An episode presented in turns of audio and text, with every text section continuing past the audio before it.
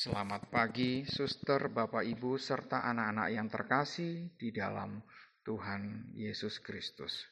Marilah, sebelum kita melaksanakan kegiatan kita pada pagi hari ini sampai siang nanti, kita berdoa kepada Tuhan, memohon perlindungan dan penyertaan selama semua aktivitas kita laksanakan di hari ini.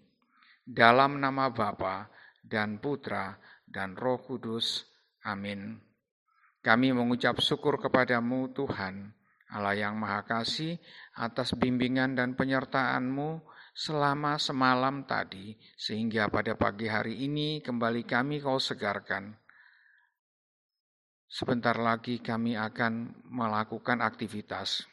Dan kami mohon kepadamu ya Tuhan, utuslah roh kudusmu ke atas kami, sehingga kami mampu mendengarkan firmanmu. Amin. Inilah Injil Tuhan kita Yesus Kristus menurut Santo Markus. Dimuliakanlah Tuhan. Raja Herodes juga mendengar tentang Yesus, sebab namanya sudah terkenal dan orang mengatakan, Yohanes Pembaptis sudah bangkit dari antara orang mati. Dan itulah sebabnya kuasa-kuasa itu bekerja di dalam dia. Yang lain mengatakan, dia itu Elia. Yang lain lagi mengatakan, dia itu seorang nabi sama seperti nabi-nabi yang dahulu. Waktu Herodes mendengar hal itu, ia berkata, "Bukan, dia itu Yohanes yang sudah kupenggal kepalanya dan yang bangkit lagi." Sebab memang Herodeslah yang menyuruh orang menangkap Yohanes dan membelenggunya di penjara berhubung dengan peristiwa Herodias, istri Filipus saudaranya, karena Herodes telah mengambilnya sebagai istri. Karena Yohanes pernah menegur Herodes, "Tidak halal engkau mengambil istri saudaramu." Karena itu, Herodias menaruh dendam pada Yohanes dan bermaksud untuk membunuh dia, tetapi tidak dapat. Sebab Herodes segan akan Yohanes karena ia tahu bahwa Yohanes adalah orang yang benar dan suci. Jadi ia melindunginya. Tetapi apabila ia mendengarkan Yohanes, hatinya selalu terombang-ambing namun, ia merasa senang juga mendengarkan dia.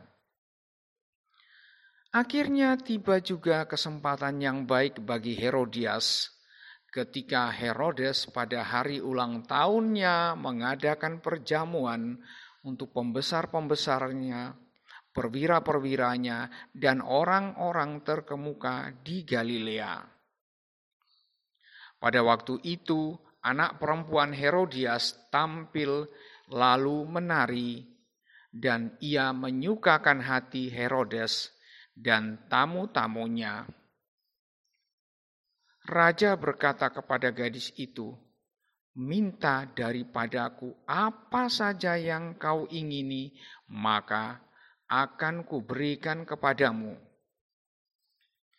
Lalu bersumpah kepadanya, apa saja yang kau minta akan kuberikan kepadamu, sekalipun setengah dari kerajaanku. Anak itu pergi dan menanyakan ibunya, "Apa yang harus kuminta?" Jawabnya, "Kepala Yohanes Pembaptis." Maka cepat-cepat ia pergi kepada raja dan meminta, "Aku mau." Supaya sekarang juga engkau berikan kepadaku kepala Yohanes Pembaptis di sebuah talam.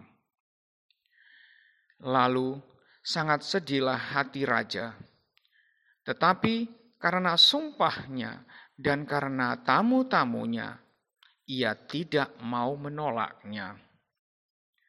Raja segera menyuruh seorang pengawal dengan perintah supaya mengambil kepala Yohanes. Orang itu pergi dan memenggal kepala Yohanes di penjara. Ia membawa kepala itu di sebuah talam dan memberikan kepada gadis itu, dan gadis itu memberikannya pula kepada ibunya. Ketika murid-murid Yohanes mendengar hal itu, mereka datang dan mengambil mayatnya, lalu membaringkannya dalam kuburan. Demikianlah sabda Tuhan. Terpujilah Kristus. Suster, Bapak, Ibu, serta anak-anak yang terkasih di dalam Tuhan kita, Yesus Kristus. Bacaan hari ini kita melihat peristiwa besar dengan dilatar belakangi berbagai orang dengan berbagai tafsiran, berbagai kepentingan, berbagai uh, ambisi pribadi. Kita melihat yang pertama bahwa orang-orang menanyakan siapa Yesus dengan tafsirannya mereka sendiri-sendiri. Lalu bagaimana Yesus menurut kita masing-masing? Di sisi lain kita melihat ada ambisi dan rasa dendam yang berkobar-kobar di hati Herodias untuk membalaskan dendamnya pada Yohanes.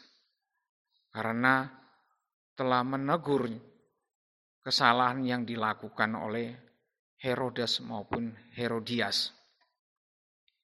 Herodes sendiri adalah orang yang tidak mau kehilangan muka karena sumpahnya meskipun apa yang terjadi ini sangat-sangat tidak manusiawi. Semoga bacaan dan renungan hari ini dapat membimbing kita dalam pikiran, perkataan, dan perbuatan kita, di mana kita tidak hanya mementingkan ego kita masing-masing, tetapi kita takut akan Tuhan. Marilah kita berdoa. Allah Bapa yang Maha Kasih, kami mengucap syukur kepadamu atas firman yang telah kau taburkan kepada kami pada hari ini. Biarlah firman yang telah kau taburkan ini meresap dalam hati kami dan berkembang menghasilkan buah-buah seperti yang engkau katakan sendiri bahwa firmanku yang telah ku berikan tidak akan kembali dengan sia-sia, tetapi akan menghasilkan buah yang berlimpah. Amin. Dalam nama Bapa dan Putra dan Roh Kudus. Amin.